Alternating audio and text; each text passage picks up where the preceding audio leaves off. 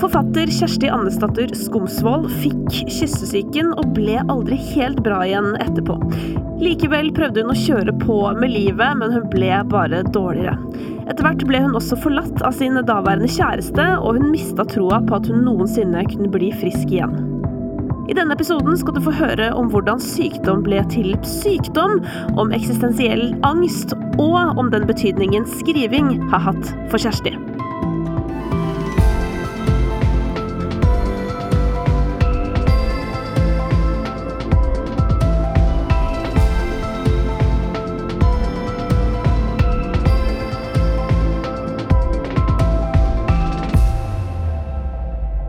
Hjertelig velkommen hit, Kjersti.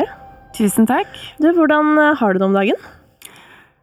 Og um, veldig uh, ulikt sånn det pleier å være, føler jeg. Eller altså, fordi å skrive en roman tar jo så mange år, og så sitter man alene og vurderer selv hele tiden det man gjør, og viser det ikke til så mange. Og så nå har akkurat boka kommet ut, og så plutselig så er man så opptatt av meninger fra alle kanter. Så, så jeg føler meg veldig sånn prisgitt hva én sier akkurat nå, og så sier noen andre noe, og så får man en melding om noe. Så, så det er veldig sånn ulikt modus av det jeg pleier å være i, føler jeg. Og så føler jeg meg litt dum som er så opptatt av Eller at det er litt sånn selvopptatt og fjernt, på en måte. Samtidig som jeg tenker at eh, nei, men nå har du jobba i mange år, du har lov til å være opptatt av den boka. Mm. Um, ja, så jeg føler at det er litt kaotisk, egentlig, akkurat nå om Men- dagen.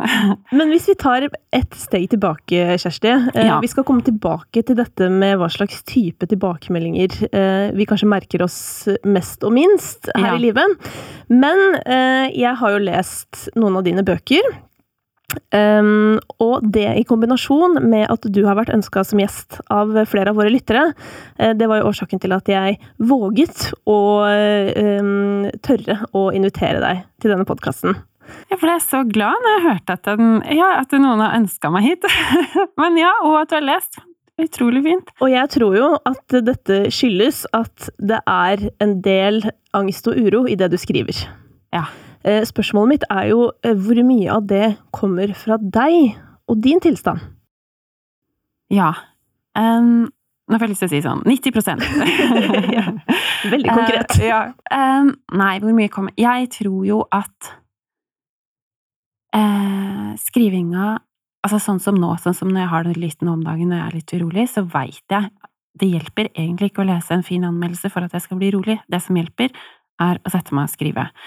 Så jeg tror at eh, sånn sett så er den indre uroen veldig viktig i skrivinga, og på en måte kommer kanskje all skriving fra det på et vis, da. Så jeg tenker at det som står der, er meg, men i hvilke størrelsesforhold det tar plass i mitt eget liv, det tenker jeg ikke nødvendigvis eh, er et helt sånn eller altså, Og så tror jeg jo at alle lesere opplever det ulikt. Noen ser jo veldig det mørke i bøkene, og noen syns bare det er morsomt. Mm. Mens for meg så henger de veldig sammen, da. Ja, det gir mening. Og for meg så er det jo kanskje nettopp eh, all humoren oppi det mørke eh, som gjør at eh, man kan få et nesten litt sånn utenfra-perspektiv også på egen angst og uro, da. Tenker jeg. Ja.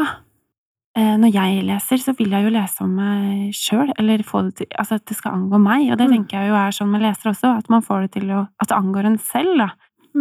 Men når var det du på en måte oppdaga at uh, du kanskje bar på eh, mer uro enn andre? Uh, husker jo at jeg som barn tenkte mye på tenk, altså døden, at vi skulle dø, og at mamma og pappa skulle dø, og uh, at det kunne ta veldig stor plass. Og så var det jo liksom det store skiftet i mitt liv var jo da jeg ble syk, eh, da jeg var 17 år og fikk eh, kyssesyken, og ikke ble frisk eh, av det. Men var veldig sånn utmatta dårlig i veldig mange år. Og så Og da fulgte det jo med mye sånn Ja, altså da skjer det jo også noe oppi hodet. når Ja, fordi hva, altså, du ja. fikk kyssesyken Ja. i flere år? Ja, Hva skjedde? Ja, eller altså det, Kyssesyken varte jo ikke så lenge, men jeg ble Jeg vet ikke om det var at jeg skulle presse meg for hardt for tidlig, eller liksom skulle jo ha den gode karakteren i gym og gode, ikke gå glipp av noe og sånn, men at eh, jeg ble ikke bra. Jeg ble liksom tvert imot liksom dårligere og dårligere, føltes det som, da. Men så skulle jeg liksom dra til Trondheim og studere, og gjorde det da med halv studiefart. Nå virker det så utrolig trist på meg, hvordan jeg lå der på hybelen i Trondheim og tenkte sånn ja, hvis jeg fortsetter med dette i ti år til slutt, så vil jeg ha klart det, liksom. Eh, selv om jeg ikke fant noe egentlig stor glede i det, og det bare var veldig tungt, da, fordi jeg var syk. Mm. Og så til slutt så kunne jeg ikke gjøre noen ting. Da eh, Ja, da lå jeg hjemme. Eh, da bodde jeg sammen med kjæresten min da, og så Og turte ikke noe til slutt å gå i postkassa, fordi jeg tenkte at hvis jeg gjør det, så blir jeg dårligere, og så er det min skyld. Eh, ja. Og så Ja. Og så ble det slutt! Og det utløste en sånn derre voldsom ja, angst da, i meg, fordi jeg tenkte han gir meg opp. Eh, han tror ikke at jeg kommer til å bli frisk lenger. Og det sa han jo også, og jeg, tenk, og trodde på han, da. Eh, og jeg ble så redd for at han skulle få rett, at jeg liksom skulle ligge der resten av livet. Og det var da Altså, da måtte jeg flytte hjem til foreldrene mine. Og da Det var da jeg begynte å skrive. Det var veldig sånn der og da. Ja. Hvor gammel var du da? Da var jeg 25. Ja. Og så Altså, utenfra sett så gjorde jeg fortsatt ingenting, da, men jeg hadde begynt å tenke, da, på et uh, romanmanus. Begynte å tenke på en sånn gammel dame jeg skulle skrive om, og så skrev jeg på sånne gule Post-It-lapper og hang på veggen over senga eh, om denne gamle dama. Hver gang jeg ble sånn så redd at jeg ikke visste hvor jeg skulle gjøre av meg selv. Så, bare, så tvang jeg hjernen til å finne på setninger uh, om denne gamle dama. Uh, så jeg tror på en måte sykdommen er inni denne gamle dama, da. All den derre Der den skulle liksom ta av meg, så prøvde jeg liksom å putte det inn i henne, da. Men, men denne, altså denne, skrivingen, eh, ja. den kom jo da til deg eh, etter at du ikke har turt å gå til, til, postkassa di, på en måte, fordi da har ja. du kanskje tenkt at å nei, da blir jeg slit, sliten eller utslitt eller ja. et eller annet sånt. Ja. Eh, hvordan kom du over den kneika med skrivingen? Tenkte du ikke at du, det jo. også kanskje kunne ta fra deg eh, energien din? Jo, men altså redselen for hva som ville skje hvis jeg ikke gjorde noe, ble jeg kanskje for første gang sterkere enn redselen for hva som gjorde hvis jeg gjorde noe. Eh, og, så, og så handlet det jo veldig mye om hva jeg tenkte, da. Eh, og da hadde jeg jo i mange år tenkt sånn skrekk, skrekk, skrekk, eh, sykdom, sykdom, sykdom. Eh, og så, så, det der å tvinge tankene over i noe liksom Jeg husker at jeg da bestilte en sånn en Mac i posten, den minste jeg fant, da. Jeg tenkte at den skulle være så liten av en eller annen grunn. Og jeg hadde den ved siden av senga mi en uke, liksom, før jeg turte å åpne den, og satt og liksom skrev på tastaturet før jeg liksom turte å skru på. Jeg vet ikke hvor, om det handlet om at jeg var redd for å bli syk, eller hva, men jeg husker at jeg liksom mange ganger at det føltes sånn uoverkommelig fysisk også, det der å sette seg og skrive, men Men så ble jo den derre Jeg vet ikke, det handler jo kanskje om at jeg begynte å skjønne litt mer om hvem denne dama jeg skrev om, var, at det, det derre kreative i en gir jo også energi, da. Og at eh, jeg ble nysgjerrig på det. Hva skjer hvis jeg Og så var, kunne jeg tenke en setning som jeg bare måtte skrive ned, og at eh, Så jeg tror det var utrolig viktig at det var noe som var så lystbetont for meg, da. Mm. Men um, dette her med å være såpass nede for telling, da, ja. i de åra hvor alle du kjenner, er ute og på en måte gjør alle de crazy tingene som ja. mange gjør i tidlig 20-åra. Ja. Hvordan opplevde du det? Ah, ja, Det har jeg sikkert fortrengt. Nå merker jeg at jeg liksom treffer meg litt når du sier det nå. Det tror jeg tok lang tid før jeg kunne innrømme på en måte det tapet det var, eller altså 20-åra, på en måte, var for meg. Ja, jeg vet ikke om jeg på en måte er så misunnelig på en fest her og der, på en måte, men bare mer det derre å være en del av sitt eget liv, da.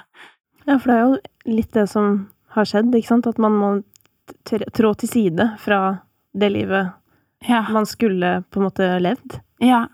Jeg har hatt mye kontakt med norsklæreren jeg hadde på ungdomsskolen. Hun var den første jeg liksom eh, Som eh, ga meg til, viktige tilbakemeldinger på skrivinga, og det tenkte jeg jo på da jeg mange år senere begynte å skrive. Og hun, jeg husker at hun sa til meg det derre at man, man mister på en måte litt sånn derre Hva skal jeg si kraft, da, hvis du Altså, når du skal inn i voksenlivet, så er det så mye viktig som skjer. Altså, du finner ut hva du har lyst til å holde på med, du møter en du kanskje skal bli sammen med, kanskje starte en familie med, at eh, det å ikke ha noe kraft når man går inn i det, og ikke få være i sitt eget liv da, sånn som du sier, eh, kan gjøre det, gjøre det litt Ja, det kan være tungt, da. Denne redselen da, som du har båret på lenge, hvordan, eh, hvordan har den prega hverdagen din? Veldig ulikt, vil jeg tro. Altså fra det helt sånn paralyserende til å ikke kunne gjøre noe fordi jeg har vært så redd for å bli syk, eh, til den uroen vi snakket om i begynnelsen, altså litt sånn nå, eh, hvor jeg går rundt og er i høyeste grad en del av mitt eget liv, føler jeg. Mm. Nå har jeg to små barn, og det merker jeg egentlig eh, kan hjelpe litt, fordi de Altså, de krever sin plass, da, mm. og da kan ikke den uroen ta all plassen.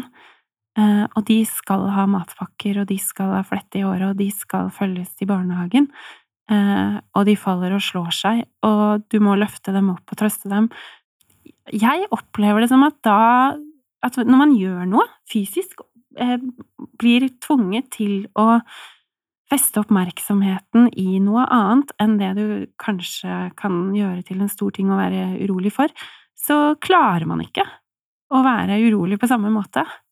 Og det er veldig interessant at du tar opp det, for dette er noe jeg personlig tenker veldig mye på, ja. Eh, og som jeg bekymrer meg mye om. Og det er jo dette om jeg skal velge en fremtid, hvis jeg kan, da, ja. med eller uten barn. Ja. Uh, og jeg har tenkt at mine bekymringer At jeg på en måte uh, Altså, det er to ting, da. Det ene er at jeg er redd for at jeg skal være så bekymra at på en måte jeg vil ødelegge mitt eget liv hvis jeg får et barn, fordi da må jeg bare gå rundt og stresse hele tida over alt som kan skje dette barnet. Ja. Uh, og to, veldig redd for å, å liksom smitte barnet ja. med mine bekymringer. Altså Ja. at barnet også skal bli et bekymra barn. Ja. Er det noe du har tenkt på? ja, det kommer du sikkert til, men det går sikkert greit, det òg. Fordi jeg skjønner ikke hvordan kan du forholde deg så rolig til det hvis du egentlig er et ganske engstelig menneske. ja. Nei, men vet du hva? De barna, de har en sånn derre vilje til å klare seg nesten uansett Altså uansett, tror jeg, av hva eh, man som eh, foreldre gjør eller ikke gjør, da. Men jeg vet ikke, jeg vet ikke hvordan bekymringer du tenker at du vil overføre til dem, da. Nei, det er kanskje bare mer en litt sånn, nesten litt sånn eksistensiell bekymring også. Eller bare sånn Hvordan blir livet da? Er det er det, det livet som skal leves? Eh, og ja, vil Hadde jeg klart å liksom gi eh, et annet menneske et godt liv på jorda? Eller du skjønner sånn, det er jo alt fra liksom de store bekymringene til de derre bitte små som Hadde jeg klart å få melk i puppen, liksom? Eller du vet sånn. det, Ja. det er alt mulig. Ja. Ja. Det som hjalp meg, var at jeg var også veldig bekymra for om jeg ville klare det. Og jeg fikk først en hund, for eh, jeg tenkte klarer jeg å ta vare på en hund um, når jeg på en måte er så streng med meg selv på mange måter, og, og jeg vil jo ikke være det mot et barn. Uh, men jeg tenkte egentlig kanskje ikke at jeg vil så mye på det heller, det var mer det å gi et barn plass. Men så var det en Altså, redaktøren min da sa hun hadde barn, og hun sa det er egentlig ikke så stor forskjell, sa hun, på livet før og etter barn. Og jeg trodde at det var så stor forskjell at jeg ikke engang kunne forestille meg det. Eh, fordi faren min var sånn å, det er, så, det er så stort ansvar, å, det er så mange bekymringer. Og det er så Han er jo en sånn bekymra type, da. Eh, så ble jeg jo litt stressa når han snakka om det.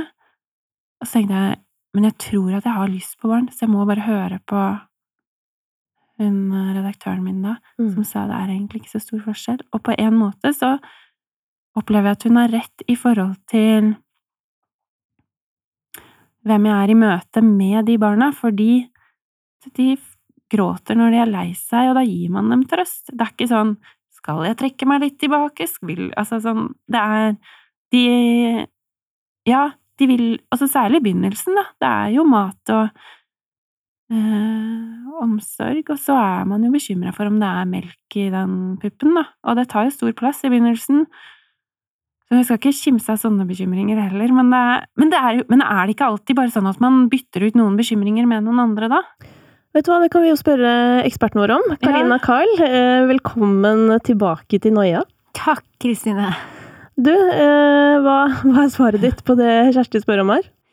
Um, svaret er at uh, det er sikkert veldig ulikt hvis jeg skal, svare sånn korrekt som en psykolog skal gjøre. Sånn ullent. Deilig ullent.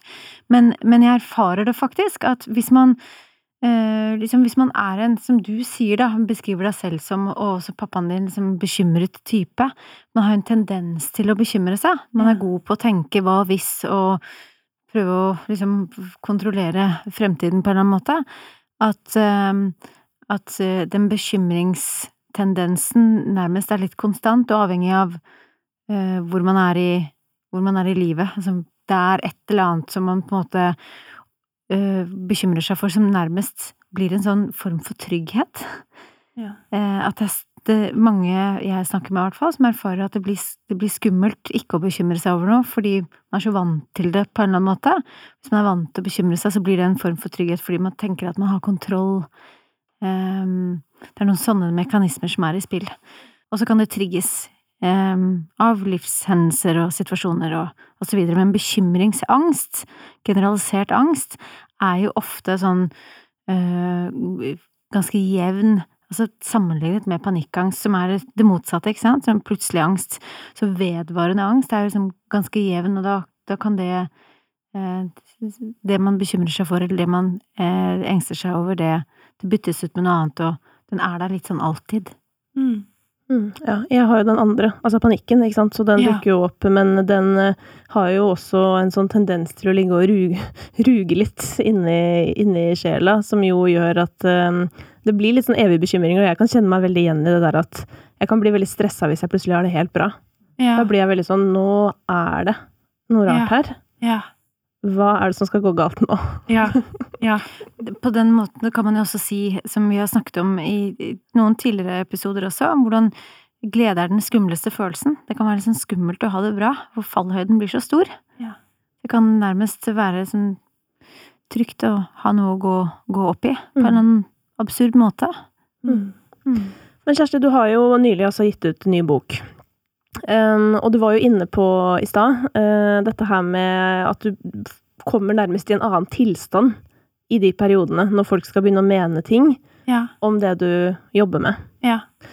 Um, hvorfor tror du at du henger deg så opp i det du opplever som ikke-positive tilbakemeldinger? Uh, I sommer har jeg opplevd at jeg har hatt det bra, og så har jeg tenkt det er nok fordi boka er så bra, har jeg tenkt, da. Eh, at jeg liksom har stolt på den følelsen. Det er jo skummelt, da. Fordi jeg har jo sett eh, litt på de tidligere programmene, og så var det snakk om også det der med den derre å bli avslørt som Å bli avslørt. Ja, altså du tenker tidligere episoder av Noia? Ja. Bedragersyndromet? Ja, ja, nettopp. Og da fikk jeg litt den fordi det var den første anmeldelsen som var Altså, som jeg eh, opplevde sånn Altså, ja. altså, Nå åpner du avisen med hendene. jeg åpner avisen med hendene, og det er jo sånn Man kan tenke at uh, man har gitt ut mange bøker, og at man blir vant til det. Mm. Eller, eh, van, eller at hvis man har hatt Kanskje at hvis det har gått bra, eller hatt medgang før, at uh, man tåler det, kanskje. Men jeg opplever det ikke sånn. Jeg opplever det like sårbart hver gang, da. Og da føles det jo veldig reelt, da, dette her bedragersyndromet. Altså, jeg har bedratt verden, altså, jeg, eller meg selv, eller eh, også en sånn skamfølelse over hva er det jeg har gjort, hva er det jeg har sendt uh, Jeg har sendt denne boka ut til folk, ut til vennene mine, altså sånn eh, Og så leser jeg bare det som er eh, negativt, da, og jeg Og det, det setter seg sånn ordentlig dypt, altså, i, i kroppen. Men det er litt merkelig, for at jeg um, har nemlig googlet dette her med hvorfor man husker det negative, for at jeg har den samme plagen selv. Ja. Um, og det er jo helt utrolig slitsomt. Um, og sinnssykt rart, liksom. Og spesielt når du har sånn derre Du har jo masse fans, liksom. Tenk på alle som uh, totalt sett har lest alle bøkene dine. Og så er det sånn Ok, så er det tre folk da, som syns ikke engang bøkene dine var dårlige, men kanskje at de var helt ok. Ja. eh, og det er jo merkelig, men eh, det jeg fant ved, ved dette Google-søket, var jo sånn der at um, at hukommelsesforskning viser at vi egentlig husker de positive opplevelsene best. Eh, sånn folk flest. Men uh, hva tenker du, Karina, sånn Hvorfor gnager dette ikke-positive da så utrolig på sjela? Vi kan jo koble mye av det vi erfarer til det rent eksistensielle, og til overlevelse. Vi er i bunn og grunn bygget for overlevelse, og det er mye mer konstruktivt for vår overlevelse å være oppmerksom på det som er tegn på at vi burde endre oss eller justere oss i forhold til andre mennesker, fordi vi trenger å høre til. Vi trenger å være en del av flokken. Og hvis jeg bare tar til meg at du sier at du syns at Eller de som sier at eh, jeg er ok, men så kan det hende at jeg har noen egenskaper som, som jeg burde jobbe på eller endre på, eller uh, som vil være konstruktiv for min overlevelse, da. Så sånn sett så, så kan man forklare den årsaken til at, at um, mye av det negative fester seg. Mm. Ja, fordi man vil jo bli likt, på en måte. Eller sånn, det er da du er med i gjengen, og idet noen plutselig kanskje ikke liker et eller annet du har gjort, så får man kanskje denne følelsen av at man ikke er innafor lenger, på en måte. Mm. Ja, det er jo kjempefarlig å bli utstøtt. Men eh, en annen ting jeg er nysgjerrig på, da, når du sier at du liksom kan skamme deg fordi du er på en måte redd for om du har tatt feil av ditt eget talent, hvis du skjønner.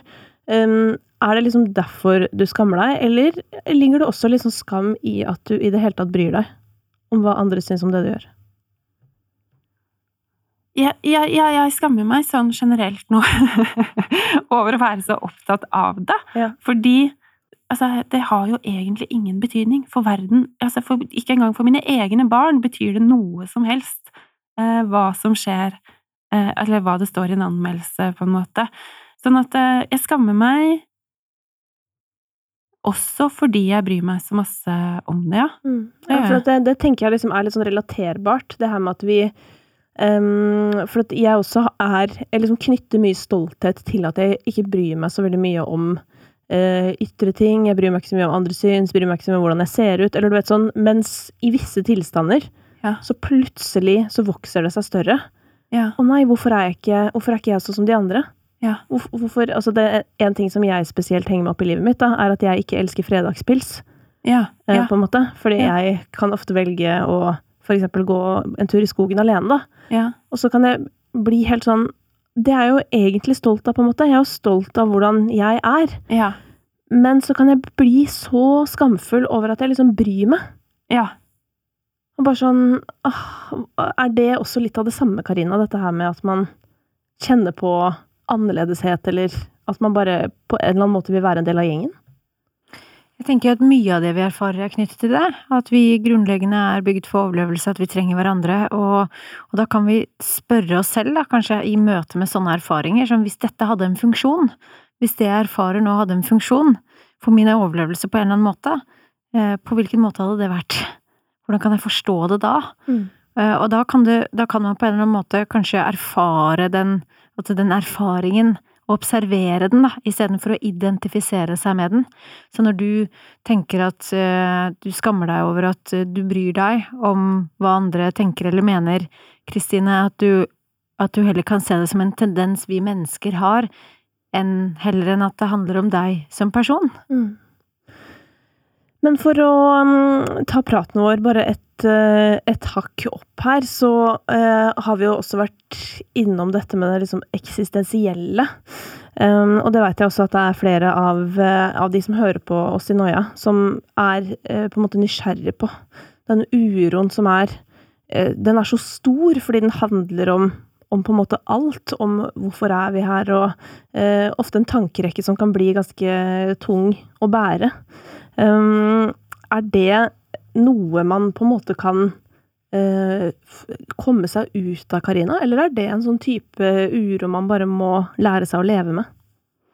Det er kanskje ikke noe enkelt svar der heller, eh, men jeg får lyst til å si at i møte med det eksistensielle, eh, og som du også nå beskriver din egen erfaring og din egen historie, så tenker jeg at i det så ligger det så en veldig nærhet til livet. En veldig sånn varhet til livet, og gjør at man kanskje også blir enda mer eh, oppmerksom til stede, eh, på godt og vondt, da. Eh, med både de små og også de store tingene, og, og, og stiller seg selv spørsmål som hvorfor er jeg her, eller hva ønsker jeg, eller hva er mitt bidrag, eller hva er det dette, det livet eller verden, eller hva er det egentlig? Og så kan det som alt annet bli for mye, ikke sant? Ehm, jeg tenker at hvis det blir for mye, så kan man jo jobbe med nettopp å flytte fokus ut, som du jo også beskriver, ikke sant, og barna blir læremestere, de bare er så intuitive, og de er til stede, og, og hvordan du også begynte å skrive på den historien om hun gamle dama tvang altså fokuset ditt til, til det ytre. Jeg tenker at for mange så vil det være det å engasjere seg i livet, i det ytre, i den ytre verden, heller enn i egne tanker. Det kan hjelpe. Um, med egentlig møte med alt det som skaper lidelse for oss som foregår inni oss selv. Mm.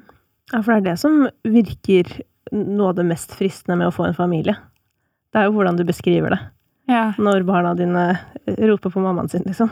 Ja, og jeg opplever også Men jeg opplever liksom uroen litt som, som to forskjellige nivåer, på en måte. Altså at det er den grunnleggende eksistensielle, når jeg kan våkne om natta og bare kjenne 'tenk at vi skal dø'. Eh, som er eh, mer sånn Eller at jeg har satt de barna her, liksom. Og hva slags verden skal de Altså Og det er en Og det tror jeg er en sånn uro, dyp uro, som kanskje gjør at jeg skriver, da. Mm. Men denne Altså, dette året her begynner det jo faktisk å bli, eh, som jo har vært et meget spesielt år. Mm. Eh, hvordan har det vært liksom, for deg med all denne helseskrekken som du har beskrevet fra tidligere, og alt har blitt snudd på huet, og i tillegg så kan du få korona? Ja. Jeg har absolutt ikke noe lyst til å få korona. Og jeg, jeg blir stressa i situasjoner sånn som hvis det er trangt på T-banen og sånn. Mm. Eh, men det er ikke en sånn vedvarende som driver og pirker og napper i skjorta mi, som skal ha oppmerksomhet hele tiden. Det er det ikke. Eh, men er det, så, er det sånn eh, det å ha angst kan være for deg, tidvis? Altså noe som Som du beskriver det nå? Jeg husker jo eh, hvordan Jeg hørte at Nietzsche hadde mye sånn fysiske plager, og at han forestilte seg disse som en sånn hund som drev og sleit og beit han i buksebeinet. Mm. Eh, og det syns jeg var veldig nyttig når jeg hadde veldig mye sånn fysiske plager, var at jeg tenkte på det som noe som hele tiden ville ha oppmerksomheten min, da. Og det kan angst også være. Noe som hele tiden vil ha Og da jeg bare ser for seg en hund som har en liten fillebikkje som maser, og hvor jeg bare var sånn Nesten sånn på trass at jeg skal ikke gi deg oppmerksomhet. Eh, eh, og og så det jo, kan det jo være litt sånn at man tenker sånn 'jeg skal ikke, jeg skal ikke, jeg skal ikke', og så får det veldig stor plass, fordi man tenker så veldig på at det ikke skal få plass. Men det som da fungerer for meg, var, er jo å tenke på noe annet. Eh, og ikke tenke 'jeg skal ikke tenke på det', men å tvinge Altså, jeg skal skrive en tekst den neste timen på en side, eh, eller eh, jeg skal nå gå og hente barna i barnehagen. Og det, det, gjør jeg nå om dagen, da, når jeg har litt vanskeligere for å konsentrere meg, er at jeg lager sånne planer eh, for hva jeg skal gjøre den neste timen. Fint bilde med den bikkja, da. Veldig, veldig nyttig. Ja. Mm. Ja. bare sparke den vekk, liksom. Det er det, at når man har sparka det går liksom, Hvis du sparker den vekk, og så er du liksom busy med noe en time da, etter planen ja. din, og så kommer den tilbake, og så sparker du den vekk igjen, og da føler jeg da er det plutselig to timer til den kommer tilbake. Eh, ja. Og før du vet ordet av det, så har du glemt den en liten stund. Ja, for jeg tror eh, veldig på det at eh, Hjernen liker litt de tankene den er vant til, da. Eh, og det å få den til å tenke nye tanker er liksom, det er liksom fysisk arbeid, føler jeg. Men det er interessant at du tar opp det her, for jeg bare eh, Det er så mange ganger eh, Karina eh, har sagt et eller annet om å skrive ned tanker. Skrive ja. ned, skrive ned. Um, og mange, og meg sjøl inkludert, har ofte tenkt sånn ja, men herregud, jeg kan jo bare tenke på det. Jeg trenger ikke å skrive det opp, liksom. Hva er det som egentlig er liksom det virksomme i det å faktisk få noen ting ned på papir? Jeg tenker at det å skrive ned har flere funksjoner. både det å skape en kritisk distanse, så både emosjonelt, men også til tankene, eh, observere de, eh, men idet du skal skrive, så blir du nødt til å sette tempoet ned, for det tar litt lengre tid, og det gjør noe med fokuset og oppmerksomheten. Når oppmerksomheten blir fokusert, så kan vi falle litt til ro, så det kan også ha en beroligende effekt å Mm. skrive ned på den måten, i tillegg til å gi en sånn kritisk distanse, at vi kan observere tankene, heller enn å identifisere oss med dem. Mm.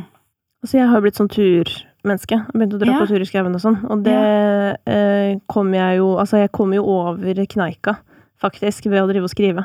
Ja. Fordi at eh, jeg var alltid bare sånn derre Mann blir drept av mann, blir voldtatt, dette kommer til å skje Eller du vet sånn zzz, Ja. Og så bare gikk det på loop. Ja. Eh, og så, når jeg da måtte skrive det sakte ned, og så skrev jeg en sånn liste nedover, Ja. og da ble jeg jo litt forlegen. Eller sånn, fordi det så jo veldig ut Ja. som en superdårlig skrekkfilm. Og det er jo, vi snakket jo også om det komiske skrivinga, fordi jeg skrev jo og skriver Jeg er veldig glad i de periodene hvor jeg skriver dagbok, og dagbok er noe annet for meg enn det å skrive romaner. Eh, Og da jeg leste dagboka mi fra den tida jeg flytta hjem til mamma og pappa, da eh, da, Jeg skrev det jo ned i dypt alvor. Jeg lagde jo sånn liste over alt jeg var bekymra for. Jeg tror det var på 33 punkter. Eh, og som fremstår så utrolig komisk på meg i ettertid. Men det er jo noe av det som er godt med det derre i skrifta, å være helt ærlig med seg selv, da, fordi da får man det metaperspektivet som du ser, og så ser man ja, men dette er jo ikke reelt. Altså, dette Mens når det bare er i hodet, så er det reelt. Har du noen highlights fra listen? Uh, ja, nei, jeg, jeg, jeg vet ikke hvorfor jeg husker så godt det var en føflekk pappa hadde på leggen. Jeg var sikker på at det var kreft, for eksempel. Det tok stor plass. Det var ikke noen sånn forskjell i hvor tungt hvert av disse punktene veide, uh, på noen som helst måte. Og uh, små ting blir veldig store, da, når det, det får når, det er, når man er aleine oppi sitt eget hode. Sånn. Men det med skogen er også helt sånn eh, helt nødvendig for meg, og det er helt utrolig hva som skjer med eh, tankene bare man beveger seg rundt, da. Og det var jo det som var så også utrolig vanskelig i den situasjonen jeg var i, at jeg bare skulle ligge der, fordi med en gang du reiser deg og går opp døra, så skjer det jo noe. Og det merker jeg med skrivinga også, er at eh, hjernen går litt vekk fra det derre overflate surre, alt det som skurer og går sånn, og så kommer man litt ned, og så skjønner man kanskje at det er tre ting man går og tenker på, da. Eh, eller det kan være tre setninger som er verdt å skrive ned. Det samme har jeg med svømming. Når jeg svømmer, så jeg svømmer under vann, så bare Så skjønner man hva man, man egentlig eh, tenker på, da. Men jeg tenker jo at du er jo heldig, for nå har jo du funnet noen sånne eh, ting, da, tydeligvis. Ja. Svømmingen, for eksempel. Ja, Som på en måte gir deg et eller annet klarere bilde eller noe. Og der er det jo bare mange som Det er jo ikke, det er som jeg pleier å si, da, sånn, det er jo ikke sånn at skogen er for alle, eller Jeg skjønner at ikke liksom den og den type treningen er for alle, men det er likevel kanskje viktig, tror jeg, hvis du kanskje spesielt er engstelig, at du har Prøv å finne et eller annet hvor du merker at sånn her går fokuset mitt litt ut, og jeg klarer å ta inn over meg noe annet. Ja, og som du sier, det kan være så forskjellige ting, og så er det sånn herre ulikt hva man klarer, og jeg kan merke at jeg kan være så urolig at jeg ikke klarer å se Altså, for jeg er jo veldig glad i å lese, eh, og det er jo en måte eh, å feste tankene i noe helt annet. Eh, men noen ganger er jeg så urolig at jeg ikke klarer å sette meg ned med en bok. Men da kan, altså sånn på det verste, sånn herre å se en krim på TV, så merker jeg at stressnivået går litt ned, da. Og noen ganger så må man, så må jeg i hvert fall, ha noe sånn helt enkelt eh, mekanisme for å bare komme meg gjennom de timene, fordi jeg, eh, som denne uroen er, da. Eller sånn som da jeg kom hjem fra sykehuset og var helt overvelda med det første barnet. Det var så Det redda alt at samboeren min bare Vi skulle se en sånn dansk dansk familieserie på TV. eh, dag etter dag, kveld etter kveld, og så går den uka. Så kommer man seg gjennom den uka, og så er det litt lettere neste uke, da. Jeg smiler fælt, for jeg kjenner meg så 100 igjen. Alltid Ja. krim, ass. Når eh, noe annet ikke Hvis jeg ikke klarer å feste oppmerksomheten min, så skal det bare et mord til. Ja. Så sitter den. Um, men før vi gir oss, så har jeg bare lyst til å komme inn på en liten ting eh, som er jo ganske alvorlig, og det er jo eh, sykdommen du var igjennom tidligere. Ja. Fordi når du eh, blir liggende så lenge med kronisk utmattelse, var det Ja. det? Ja. Så er jo den redselen for at du ikke skal bli frisk igjen, den er Ja. jo reell. Ja. Og det er jo Altså, folk opplever dette, liksom. Det er jo ikke bare deg. Det er jo Nei. mange der ute som opplever det. Mm. Og det jeg blir nysgjerrig på, er jo På den ene siden så har du den redselen hva hvis jeg aldri blir frisk igjen? Mm. Men, men den andre sida, den, den derre Det håpet, eller det som gjør Som kanskje er med på å gjøre at ting faktisk blir bedre. Det no, går det an å si noe om det? Ja, eh, fordi Altså, jeg husker jo veldig godt da jeg lå der, og det er to ting som jeg husker gjorde at det endra seg litt for meg i måten å tenke på. Og det ene var På den tida så var det mye sånn skrekkis Eller mye, jeg husker det så mye, det var sikkert bare tre, men det var uh, veldig sterkt for meg, sånne skrekkhistorier i avisa om folk som da hadde ligget i lydisolerte rom i veldig mange år. Uh, og jeg sa Da lå jeg også i senga, og så sa jeg til faren min jeg er så redd for å bli en sånn skrekkhistorie, sånn som jeg leste om i avisa. Sånn som bare Og så sa pappa ja, men Kjersti, du er jo en sånn skrekkhistorie. Og da tenkte jeg Da ble jeg litt sånn Ja, jeg er jo det. Jeg skjønte på en måte Jeg hadde kanskje ikke tatt inn over meg på en måte jeg vet ikke, men det var litt med å akseptere at det, hvor dårlig det var, på en måte. Eh, og så tenkte jeg verre enn det her kan det jo nesten ikke bli.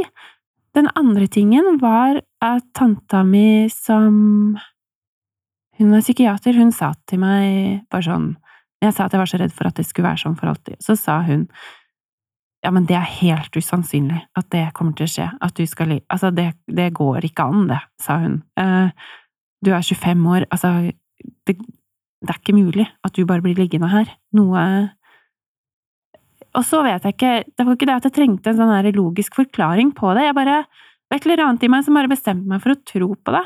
Eh, Jeg har jo møtt folk som er syke etterpå, og da har jeg bare Jeg veit ikke om jeg ljuger når jeg sier det, men jeg bare sier det tanta mi sier, så sier jeg du kommer til å bli fitt. det er helt usannsynlig at du kommer til å ligge her, sier jeg. Så blir de så glade. Så sier jeg ja, er det sant? Og så får de en sånn tro på at eh, altså, man trenger noen utenfra da, som sier at ja, men kom, du kommer jo ikke til å ligge her, du er 20 år. Det skjer jo ikke at du skal ligge her i 80 år til, liksom. Men for, altså sånn, dette er jo da eh, utmattelse, da, men jeg tenker også angst, Karina. Eh, og altså sånn hemmende angst, da. Det er jo sånn at når den er der, og for eksempel når jeg har hatt liksom, perioder hvor jeg har fått panikkangst ofte, da dukker jo den samme tanken opp. Sånn, for det første, det her, det her orker jeg ikke. Jeg kan ikke leve med det her, liksom. Det er, for- det er for mye. Uh, og for det andre Kult. Det, dette ble mitt liv, liksom. Skal jeg bare gå rundt og hyperventilere liksom til Til det ikke er noe mer luft igjen, på en måte. Um, og da tenker jeg jo at sånn Det er så ekstremt hvordan man føler seg da. Mm. Og så plutselig så liksom har du en god dag, og så er bare hjernen Det er som om du har fått ny hjerne, ikke sant? Det er så ekstremt. Um, og veldig mange har jo liksom Kanskje ikke det derre verktøyet, eller noen som sier som tanta di, da. Altså, du vet Mm. det derre til å snappe ut, liksom. Er det noe Er det noe du kan si om det, Karina? Sånn hvordan Hvordan kan man på en måte beholde en eller annen tro på at jo, det kan eh, hende at eh, man kommer seg ut av denne tilstanden. Viktig. Jeg tenker at først og fremst å minne seg selv om at vi alle erfarer ulike tilstander. Ulike emosjonelle tilstander, og de kan være så dominerende at de bare tar bolig i oss.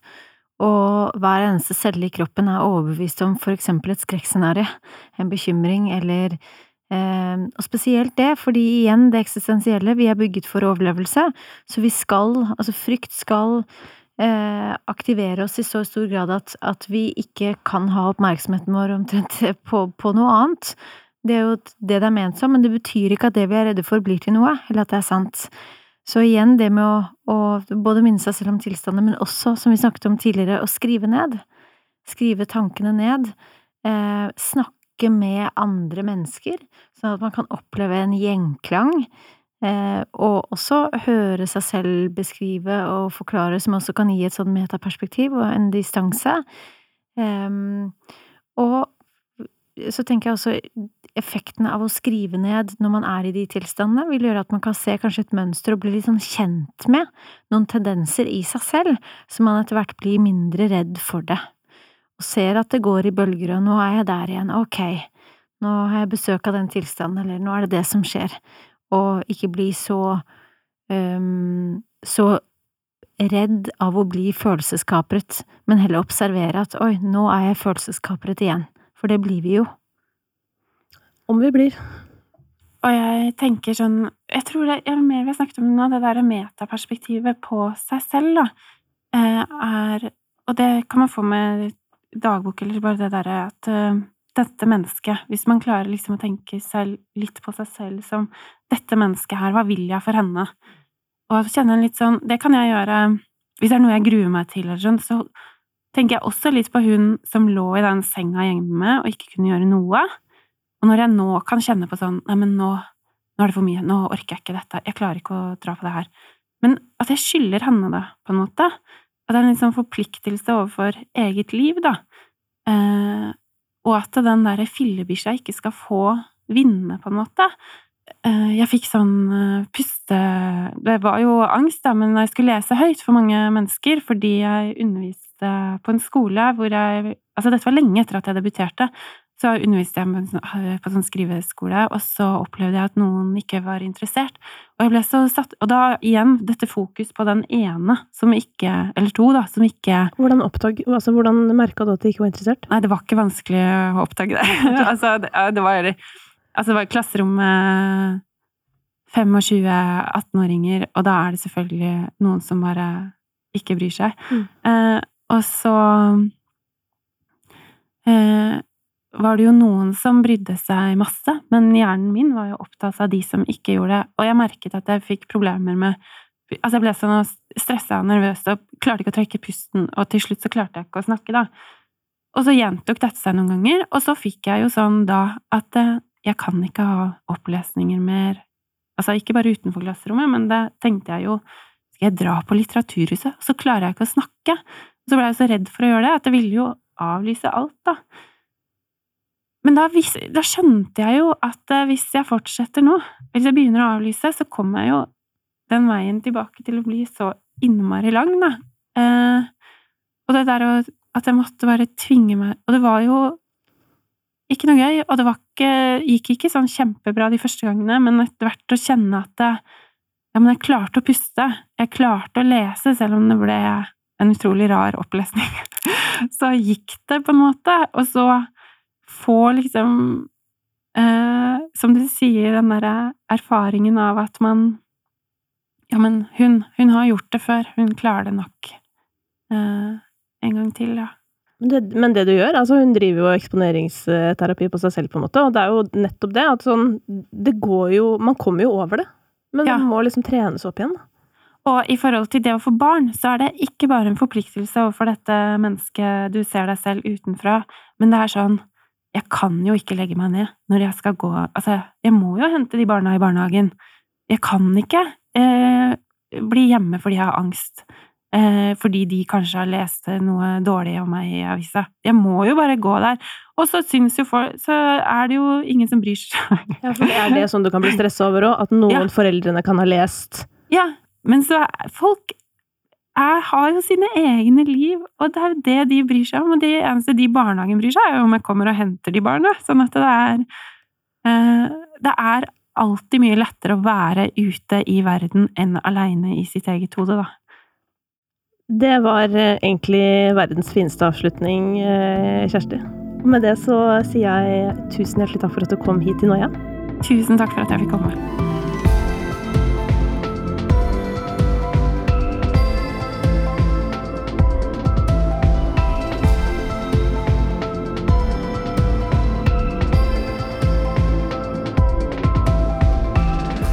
Tusen takk til deg som hører på Noia podkast. Fortell oss veldig gjerne hva du syns via vår Instagram eller Facebook, og tips oss veldig gjerne om hva du vil høre mer av. Tusen takk til Stiftelsen Dam og Rådet for psykisk helse som finansierer Noia.